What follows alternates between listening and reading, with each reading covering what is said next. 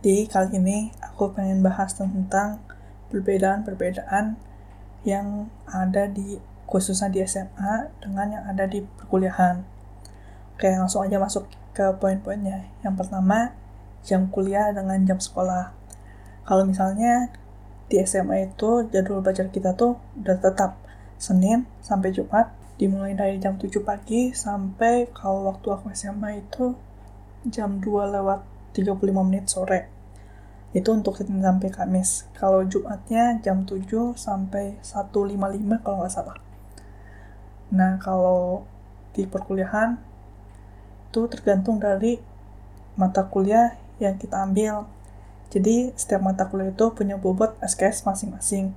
SKS itu sistem kredit semester. Jadi pada umumnya mahasiswa yang menempuh sarjana itu diwajibkan untuk menyelesaikan 144 SKS dalam waktu 8 semester. Nah, jadi setiap matkul itu punya bobotnya masing-masing. Biasanya itu antara 2 sampai 3 SKS. Jadi 1 SKS itu 50 menit. Kalau 2 SKS berarti 100 menit. Nah, biasanya setiap matkul itu punya jadwal satu kali dalam seminggu. Jadi ya seminggu cuma ada satu kelas dan waktunya itu cuma 100 menit kalau 2 SKS kalau misal 3 SKS berarti 150 menit. Ini tuh berlangsung berapa pertemuan sih? Biasanya 14 kali pertemuan jadi 14 14 minggu. Ditambah dengan ujian tengah semester dan ujian akhir semester berarti 16 kali pertemuan. Berarti ya total kita ber berkuliah itu 16 minggu. Nah misalnya di semester 3 kamu ngambil 20 SKS dengan tujuh mata kuliah. Berarti bi biasanya kamu hanya akan ada tujuh kelas dalam satu minggu. Tapi biasanya ada mata kuliah tertentu yang punya responsi. Responsi itu biasanya ada di mata kuliah yang berhitung, kayak matematika. Jadi, seminggu itu kamu ada dua kelas matematika. Yang di kelas pertama, kamu bakal dikasih materinya. Nah, di kelas respons ini, kamu bakal latihan-latihan soal. Nah, ini kan jadinya 2 kali 3 SKS. Harusnya kan matematika jadinya 6 SKS. Tapi, dihitungnya itu 3 SKS. Lalu, ada juga beberapa mata kuliah yang ada praktikumnya. Nah, praktikum ini biasanya juga 2 jam setengah atau 3 SKS. Berarti kalau misalnya ada mata satu mata kuliah ada kelas biasa, ada responsi, ada praktikum, harusnya kan 9 SKS. Tapi ini tetap dihitung 3 SKS. Yang harusnya kamu tuh cuma punya satu kelas dalam satu minggu, karena ada responsi dan praktikum, jadinya kamu punya tiga kelas dalam seminggu. Nah, jam berapa sih biasanya kelas mulai? Misalnya, mata, mata kuliah A ditetapin hari Senin jam 7 sampai setengah 10. Lalu mata kuliah B ditetapin jam hari Senin jam 3 sampai jam setengah 6 jadi nggak kayak SMA jam 7 mata uh, mata pelajaran bahasa Inggris. Lalu langsung dilanjut olah, olahraga. Kalau di kuliah itu tergantung dari jam-jam kelasnya itu. Kayak yang tadi aku sebutin berarti kalian itu punya jeda waktu dari jam setengah 10 sampai ke jam 3 dalam satu hari itu Misalnya, kamu ambil 20 SKS dengan total 7 mata kuliah. Ini nggak ada satupun mata kuliah yang ada responsi dan juga praktikum. Jadi kan cuma 7 kali kelas dalam satu minggu. Misalnya, 7 kelas itu selesai di hari Senin, Selasa sama Rabu. Senin kamu 2 kelas, Selasa kamu 3 kelas, hari Rabunya kamu ada 2 kelas juga. Jadi, Rabu sama Rabu Kamis Jumatnya itu kamu libur. Jadi seminggu kalian cuma kuliah tiga hari doang. Rabu Kamis Jumat Sabtu minggunya libur. Enak kan? Tapi yang enak dari kuliah itu misalnya ada tanggal merah di hari Senin di mana hari Senin itu kamu ada dua matkul. Nah itu tuh tetap harus dicari, dicari penggantinya gitu. Karena kan yang tadi aku bilang biasanya itu minimal 14 kali pertemuan. Kalau hari Senin itu libur, nggak ada mata kuliahnya, jadi biasanya cuma jadi 13 kali. Nah itu nggak boleh. Jadi harus dicari jadwal penggantinya untuk jadwal pengganti kelas tersebut.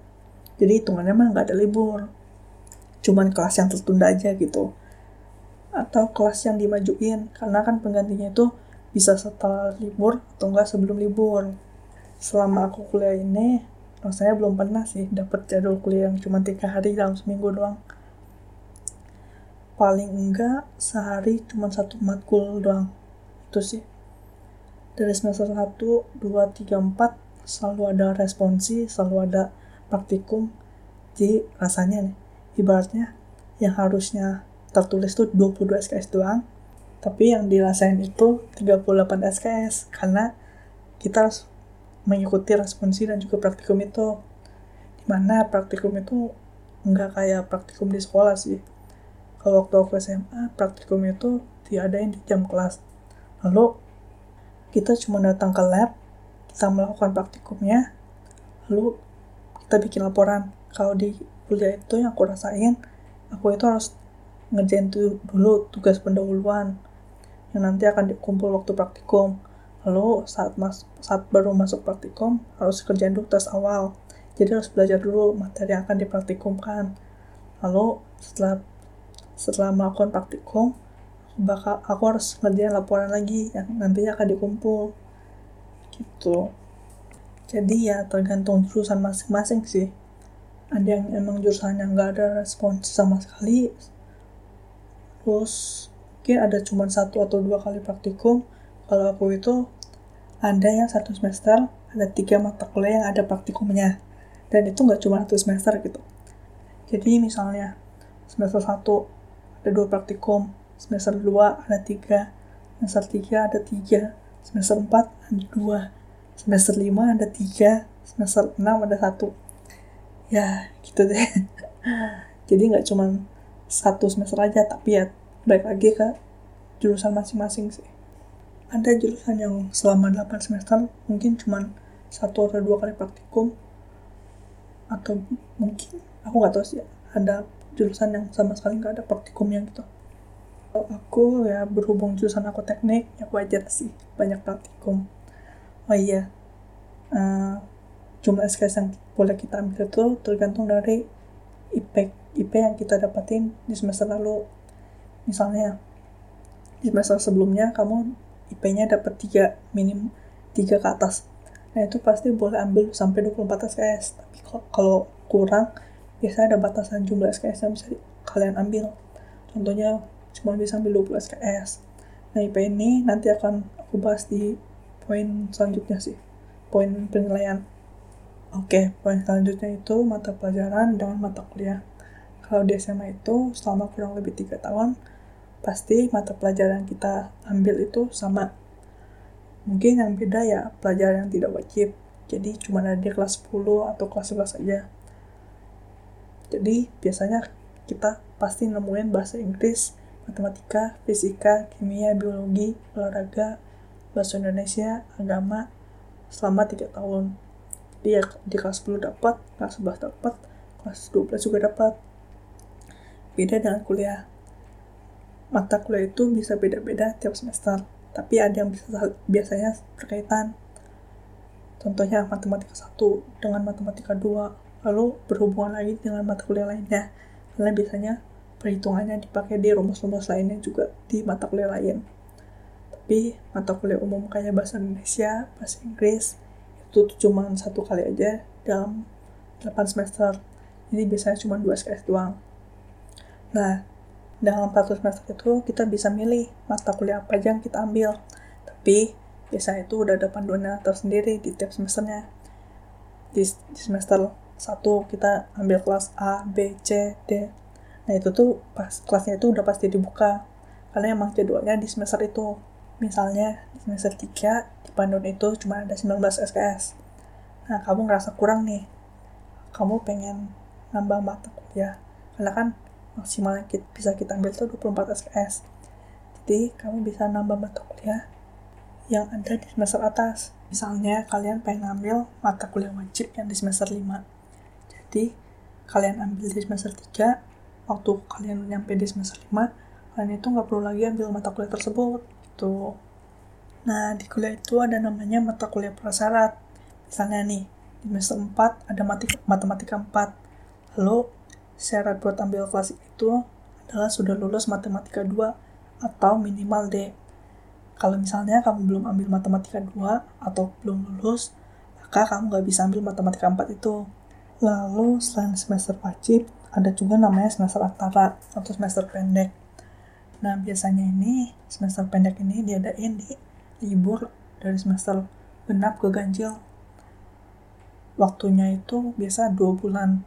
16 pertemuan itu yang biasanya 4 bulan diperpadat menjadi 2 bulan doang.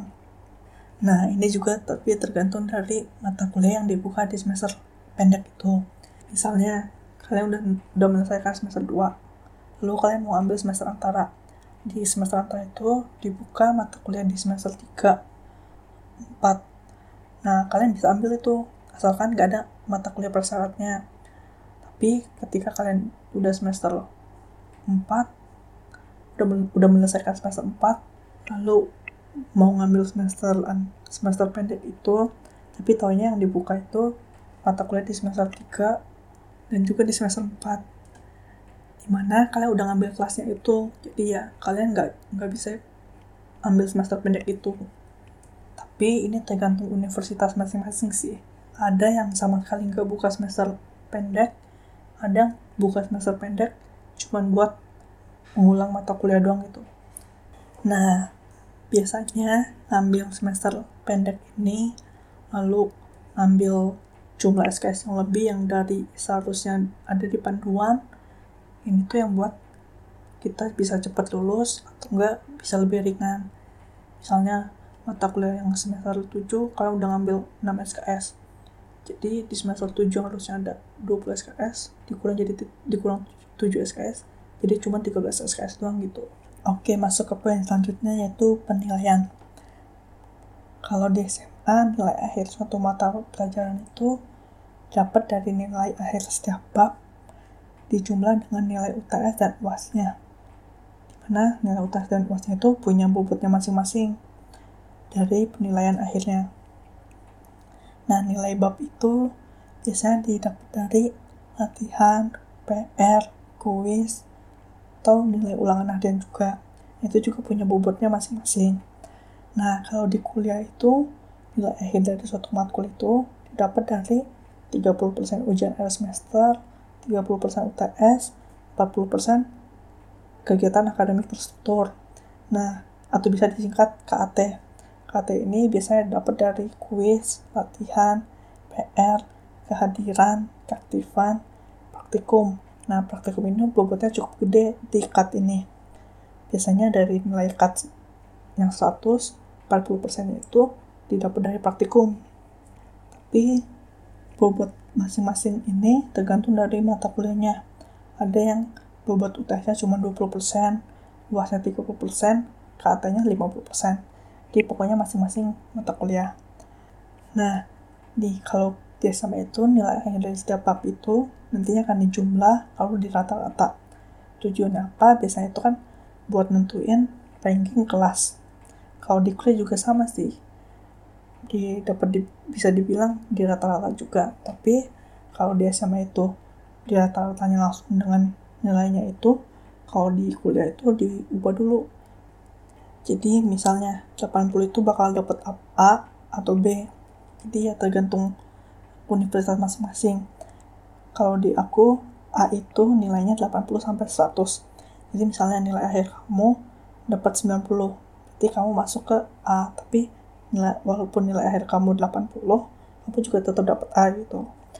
Lu B plus 73 sampai 80 tapi sebenarnya beda-beda sih masing-masing universitas ada teman aku yang nilainya itu nggak ada B plusnya tapi pakainya A minus gitu jadi kalau A itu bobotnya itu 4 B plus itu bobotnya tiga setengah B itu bobotnya 3 dan seterusnya Nah, misalnya ini ya, kamu di semester 2 selesaiin 19 SKS. Ada dua mata kuliah 2 SKS, 5 mata kuliah 3 SKS. Dari tujuh matkul tersebut biar gampang kamu dapat nilai A semua. Buat dapat rata-ratanya tuh 4 dikali 2 2 ini dari bobot SKS-nya jadi misalnya kalau mata kuliahnya 3 SKS lalu dapat nilai A berarti 4 dikali 3 karena ini 19 SKS 2 mata kuliah 2 SKS dan 3 mata kuliah 5 mata kuliah 3 SKS jadi 2 kali 4 kali 2 SKS ditambah 5 kali 4 kali 3 SKS atau biar nggak pusing gini deh. 4 dikali 2 ditambah 4 kali 2 ditambah 4 kali 3 di mana 4 kali 3 nya ini ada 5 kali. Lalu nanti ini dibagi dengan jumlah SKS yang kamu ambil di semester itu. Jadi kan hasil yang tadi perkalian dan penjumlahan itu dapatnya 76 lalu dibagi sama jumlah SKS 19 jadi dapatnya 4 nah IP semester kita itu dapatnya 4 IP itu apa? IP itu indeks prestasi di setiap semesternya lalu ada namanya IPK atau indeks prestasi kumulatif jadi misalnya semester 1 kamu dapat 4 semester 2 kamu dapat 3,9 IP-nya Nah, nanti ada perhitungannya lagi buat nentuin IPK-nya. Jadi ya, IPK itu nilai akhir kita dalam dua semester itu. Nah, yang tadi kan aku contohnya 4. Dapat nilainya A semua, jadi bobotnya 4. Kalau misalnya ada nilai yang mata kuliah 3 SKS, cuma dapat B+, nanti 4 itu kamu ganti jadi 3,5 gitu. Pokoknya gitu perhitungannya, oke? Okay? Kalau aku ya jujur ya, lebih fokus ke arah uh, eh, UTS sama UAS. Kenapa? Karena UTS sama UAS ini ditentuin dari malam hari ketika kita belajar sebelum UTS tersebut dan juga ditentuin ketika kita ngerjain UTS-nya dalam waktu kurang lebih 2 jam. Jadi 30% nilai kita itu cuma ditentuin dalam waktu yang tadi aku sebutin itu. Berbeda dengan KT. KT itu nilainya selama satu semester ada dosen yang di awal semester nih bilang kalau kita aktif dapat poin nantinya akan bantu nambahin nilai KT kita. Aku jawab 9, 8 atau 9 kali, jadi dapat poin kurang lebih 8. 9 itu dapat 9 poin tambahan. Nah itu tuh udah tinggi banget sih menurut aku karena biasanya satu orang itu cuma bisa dapat satu poin di setiap pertemuannya di mana kan ada 14 kali pertemuan tapi di setiap pertemuannya mungkin cuma satu, dua, tiga, atau empat orang yang dapat poin jadi ya kurang lebih satu orang mungkin satu semester cuma dapat empat kali empat poin tambahan dong sedangkan aku dapat sembilan kan. Lalu tahunnya waktu ngeliat nilai akhir nilai KT aku masih rendah banget. Kaget aku. Lebih rendah dibandingin sama nilai teman aku yang sama sekali nggak pernah dapat poin gitu. Jadi ya menurut aku KT itu nggak bisa nggak bisa dikendaliin lah. Nanti kan maksudnya dibandingin sama UTS UAS. Tapi ya mungkin nilai poin tambahan itu ditambahin ke nilai UTS atau UAS aku. Ya nggak tahu juga sih. Tapi nggak semerta-merta kalau kita kerja kelas di UTS dan UAS belum tentu hasilnya juga bagus. Kenapa? Karena ya ada hal-hal yang gak bisa kita kontrol sebagai manusia. Jadi dulu aku pernah ngalamin salah satu mata kuliah. Harusnya kan menurut aku UTS itu mengujiankan soal-soal tentang materi-materi yang kita pelajari waktu sebelum UTS itu. Begitu begitu juga dengan UAS tapi tahunya yang keluar di soal UTS dan UAS itu materi yang bukan kita pelajari. Di waktu setelah ngerjain soal tes UAS itu rasanya ngapain capek-capek belajar kalau soal yang keluarnya kayak gitu? Jadi dosen itu benar-benar megang peranan penting deh buat nentuin nilai IP dan IPK kita.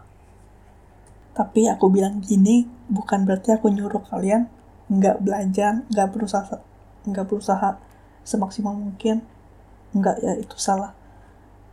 Yang penting kita itu udah berusaha semampu kita, semaksimal kita. Kalau emang hasilnya kurang memuaskan, setidaknya kita itu udah pernah coba dengan semaksimal mungkin gitu. Oke, masuk ke poin selanjutnya, tidak naik kelas dengan tidak naik, tidak lulus mata kuliah. Waktu SMA itu, kalau di aku ya, kalau misalnya ada murid yang mendapat nilai akhir merah lebih dari tiga mata mata pelajaran. Nah, mata, uh, murid itu tuh nggak bakal naik kelas. Jadi misalnya ada 14 dari 14 pelajaran, nilai matematikanya, fisika, kimia, biologinya itu merah. Nah, merah itu berarti artinya di bawah KKM. Karena kan biasanya di SMA itu nilai kelulusan itu ditentuin dari KKM itu kan. Maka kamu itu nggak bakal naik kelas. Konsekuensinya adalah kamu harus mengulang lagi dari awal sampai akhir kelas tersebut. Nah, ini beda sama di kuliah. Kalau misalnya di semester 1, mata kuliah matematika 1 itu mendapat nilai E. Maka kamu itu harus mengulang mata kuliah matematika itu saja. Nggak harus mengulang semua mata kuliah yang ada di semester 1. Tapi, karena yang tadi aku sebutkan ada mata, mata kuliah prasyarat. Misalnya, mata mata kuliah matematika 1 ini jadi prasyarat mata kuliah matematika 3 maka kalau matematik matematika satu kalian tuh nggak lulus maka kamu nggak bisa ambil mata kuliah matematika 3 sampai kamu lulus mata kuliah matematika satu. Jadi biasanya mata kuliah yang ada di semester ganjil akan dibuka semester ganjil juga. Maka biasanya kalau kamu nggak lulus di semester itu maka kamu harus nunggu selama setahun buat bisa ikut kelas mat matematika satu itu. Jadi ini sih yang biasanya ngambat orang buat lulus tepat waktu. Tapi ya kalau misalnya mata kuliah itu nggak menjadi mata kuliah persyarat apa pun kamu nggak harus ngulang itu secepat cepatnya kamu bisa ngulang mata kuliah itu di semester 7 bisa aja gitu tergantung kamu. Sebenarnya sama di SMA syarat kamu naik kelas kan ibaratnya kamu naik kelas kelas 10 ke kelas 11 nah berarti kamu itu udah dicap menguasai materi di kelas 10 sama kayak di perkuliahan. Misalnya matematika 1 jadi prasyarat matematika 3 berarti kan ibaratnya kamu itu harus menguasai matematika 1 dulu baru bisa mat ngambil mata kuliah matematika 3 gitu sih menurut aku. Lalu poin selanjutnya kehadiran di SMA dengan kuliah kalau dulu waktu ke SMA kalau kalian nggak masuk beberapa kali tanpa keterangan atau biasa disebut apa biasanya nggak diapa-apain. Tapi mungkin kalau udah melebihi batas baru kalian bisa mungkin bisa dapat surat peringatan. Nah kalau di kuliah setiap mahasiswa itu diberi batas toleransi tiga kali tidak hadir. Jadi dari 14 kali pertemuan kuliah kalian bisa absen sebanyak tiga kali gitu. Jadi setiap mahasiswa itu harus memenuhi jumlah kehadiran berapa persen gitu. Nah ini, ini tergantung dari universitas juga masing-masing universitas. Jadi ya ada ada yang ngasih wajib hadir 80% mungkin atau 70% doang mungkin. Jadi balik lagi ke masing-masing universitas. Nah kalau misalnya lebih dari tiga kali akan diapain? Biasanya disebut cekal jadi kalian tuh langsung nggak nggak boleh ngikutin ujian lagi. Kalian udah nggak dianggap lulus mata kuliah tersebut gitu. Jadi kalian harus ngulang lagi mata kuliah itu. Lalu kalau keterlambatan kalau misalnya di SMA itu kalau waktu aku dulu ya kalau misalnya terlambat dengan jumlah sekian mungkin nanti akan diberi hukuman untuk kerja bakti. Lalu jika melebihi atas sekian akan diberi surat surat pernyataan Nah, kalau di kuliah mungkin ini lebih ke arah lebih ke arah terlambat masuk kelas. Jadi kalau ini tergantung dari masing-masing dosen. Ada yang dosennya santai banget. Misalnya, kelas itu harusnya selesai jam 9.30. Tapi anak mahasiswanya baru masuk jam 9. Tapi tetap dibolehin dan boleh tetap boleh absen. Tapi ada juga dosen yang ketat banget. Misalnya, kalau dosen itu udah masuk kelas, orang yang terlambat itu nggak boleh lagi masuk ke kelas karena akan mengganggu perkuliahan gitu. Jadi masing-masing dosen sih. Ada yang dikasih batas 15 menit keterlambatan tapi ya nggak selamanya mahasiswa yang telat tapi dosen juga bisa telat sih. Kalau misalnya dosen telat ya mahasiswa nggak bisa ngapa-ngapain juga. Oh iya aku mau nambahin. Kan tadi aku bilang 2 SKS itu 100 menit. Tapi misalnya dosen itu dosen nyantai gitu. Bisa selesaiin materi cuman waktu cuman dalam waktu 30 menit. Sisanya ngapain? Bisa aja dosennya menyelesaikan kelasnya gitu. Jadi ya ya harus 100 menit tapi cuma 30 menit doang gitu kuliahnya. Ini tapi tergantung lagi ke masing-masing dosen. Lalu kalau di SMA mungkin ngurus perizinan sakit itu lebih gampang atau ada urusan itu lebih gampang. Misalnya kalau lagi sakit orang tua kita nulis keterangan sakit lalu kirim surat ke sekolah itu udah diterima. Tapi kalau di perkuliahan enggak. Jadi kalau sakit harus pakai surat dokter gitu. Lalu misalnya keluarga kita ada yang amit-amit meninggal itu pun baru boleh dihitung izin apabila yang meninggal itu keluarga terdekat tapi ini tergantung ke universitas masing-masing. Tapi biasanya gitu sih. Lalu aku mau nambahin yang uh, jadwal kelas pengganti. Hmm, jadi biasanya nggak cuma hari libur tanggal merah gitu. Misalnya nih dosen A punya jadwal ngajar hari Senin jam setiap hari Senin jam 3 tapi tahunya pada minggu keberapa gitu tiba-tiba dosen A berhalangan hadir pada hari Senin gitu jadi kita juga harus cari jadwal kelas pengganti untuk mengganti kelas yang dosen tersebut tidak dapat hadir gitu. Jadi ya hari itu nggak ada kelas gitu. Lalu lanjut ke poin selanjutnya, yaitu wali kelas dengan dosen wali. Kalau waktu SMA, setiap kelas itu kan pasti punya wali kelasnya masing-masing. Biasanya tugas wali kelas ini membimbing murid-murid yang ada di kelas tersebut. Jadi kayak memperhatikan perilaku kita, mengarahkan perilaku murid-murid dalam kelas itu, melihat tingkah laku murid.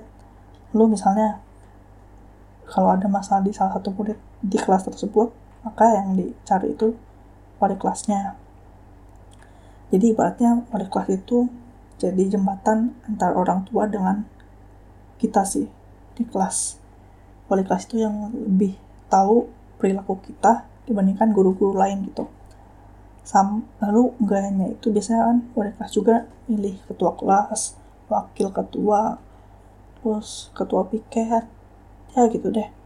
Wali kelas juga bisa jadi tempat buat cerita gitu kalau kita ngerasa kesulitan gak cuman guru BK pokoknya memperhatikan tingkah laku kita waktu kita di sekolah lah gitu nah kalau di perkuliahan kita nggak punya lagi namanya wali kelas tapi setiap mahasiswa itu pasti ada namanya dosen wali atau dosen pembimbing. Karena tugasnya sebenarnya mirip sih sama kayak wali kelas. Jadi dalam satu semester itu pasti ada jadwal perwalian gitu. Perwalian itu ngapain? Biasanya dosen itu nanya ke kita apakah kita ada kesulit. Itu misalnya kita juga bisa cerita ke dosen. Nggak harus dosen yang nanya ke kita lalu misalnya kita mau mau ambil mata kuliah untuk semester selanjutnya itu pun harus ngurus dengan dosen wali gitu. Oke poin selanjutnya itu libur semester. Jujur ya aku lebih suka libur semester di kuliah. Kenapa? Karena biasanya kalau di SMA libur semester dari ganjil ke genap atau biasa libur Natal dan tahun baru jangka waktunya itu kalau di SMA mungkin dua atau tiga minggu doang kan. Kalau di kuliah itu biasanya satu bulan. Lalu libur dari semester genap ke ganjil atau biasa di SMA disebutnya kenaikan kelas. Kalau di SMA paling cuma sebulan. Kalau di SMA bisa tiga bulan. Jadi tiga kali lipat dibandingkan dengan SMA tapi ya di SMA juga aku pernah ngalamin libur terlama sih yaitu waktu selesai UN waktu aku SMA selesai UN itu April masuk kuliah itu Agustus. Jadi kurang lebih libur selama lima bulan gitu. Oke, masuk ke selanjutnya yaitu pengambilan nilai atau biasa disebut pengambilan rapot kalau kita SMA. Nah, kalau di kalau waktu SMA pasti di akhir semester itu setelah ujian ada jeda waktu dulu kurang lebih dua minggu untuk guru-guru itu melakukan penilaian selama satu semester. Baru nantinya kalau udah selesai ya baru mengambil rapot. Atau mungkin biasanya setelah UTS ada pengambilan rapot juga untuk nilai UTS tapi kalau nggak salah kalau di SMA aku itu nilai UTS kalau misalnya nggak bermasalah nggak harus orang tua gitu. Cuman cuman murid-murid tertentu yang nilainya bermasalah harus diambil rapotnya dengan oleh orang tua. Kalau akhir semester baru wajib dengan orang tua. Nah, beda sama waktu kuliah. Kalau misalnya saya ujian, maka itu langsung libur gitu. Nggak ada nunggu buat ngambil rapot. Nanti nilai tersebut, nilai kita itu akan masuk ke dalam aplikasi perkuliahan kita. Jadi kalau di universitas aku, setiap mahasiswa itu punya aplikasi yang isinya itu jadwal kuliah, lo daftar nilai aku. Lalu tagihan daftar tagihan biaya. Lalu buat perolian juga. Lalu transkrip nilai IP sama IPK gitu. Nah jadi nanti nilainya itu akan masuk ke ke aplikasi itu gitu. Jadi kita tinggal buka aplikasi itu lalu lihat di situ kalau misalnya nilainya udah keluar. Nah nanti nilai itu juga akan dibagiin oleh dosen wali kita di print lalu dikasih ke kita waktu kita melakukan perolihan di semester selanjutnya gitu. Oke, poin selanjutnya buku cetak saat SMA dengan kuliah. Kalau dulu ya waktu aku SMA beberapa mata pelajaran itu masih menggunakan buku cetak. Buku cetak itu dari mana? Dari disebutnya buku bos yang kita nggak harus beli lagi. Jadi kita cuma pinjam dari perpustakaan, boleh bawa pulang, lalu pada akhir semester harus dikembalikan lagi. Jadi guru itu bakal ngajar berdasarkan buku tersebut gitu. Tapi ada juga yang nggak pakai buku cetak, jadi guru itu udah nyiapin materinya berdasarkan kurikulum yang digunakan. Nah, kalau di kuliah itu udah nggak pakai buku cetak lagi sih. Biasanya eh, dosen-dosen itu di awal pertemuan atau kelas pertama ngasih referensi gitu. Dari buku mana dosen itu ambil materinya.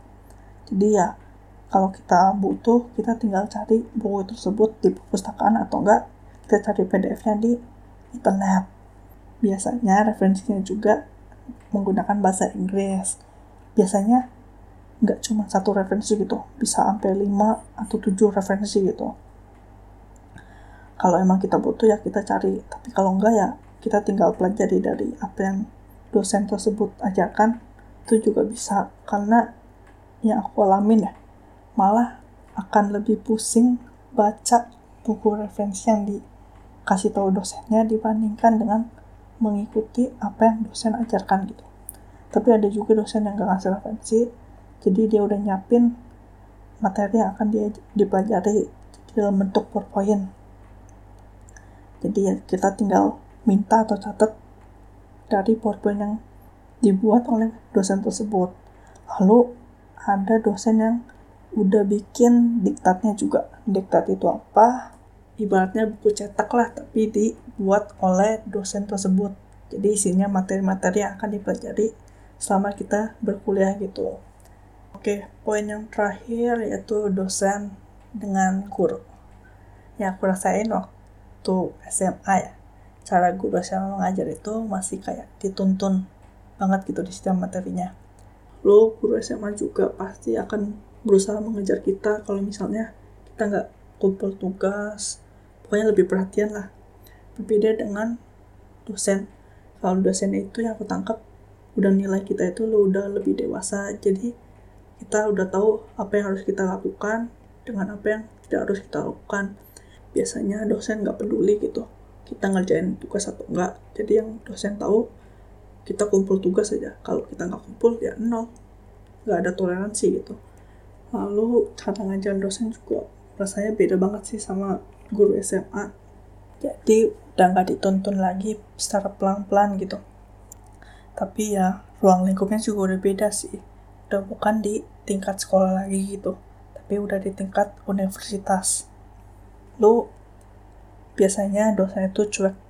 Nggak kayak guru waktu kita SMA kalau kita nggak masuk beberapa kali ya dosen nggak peduli juga gitu. Lo misalnya ada mahasiswa yang tidur dosen biasanya nggak peduli tapi ada dosen yang peduli juga.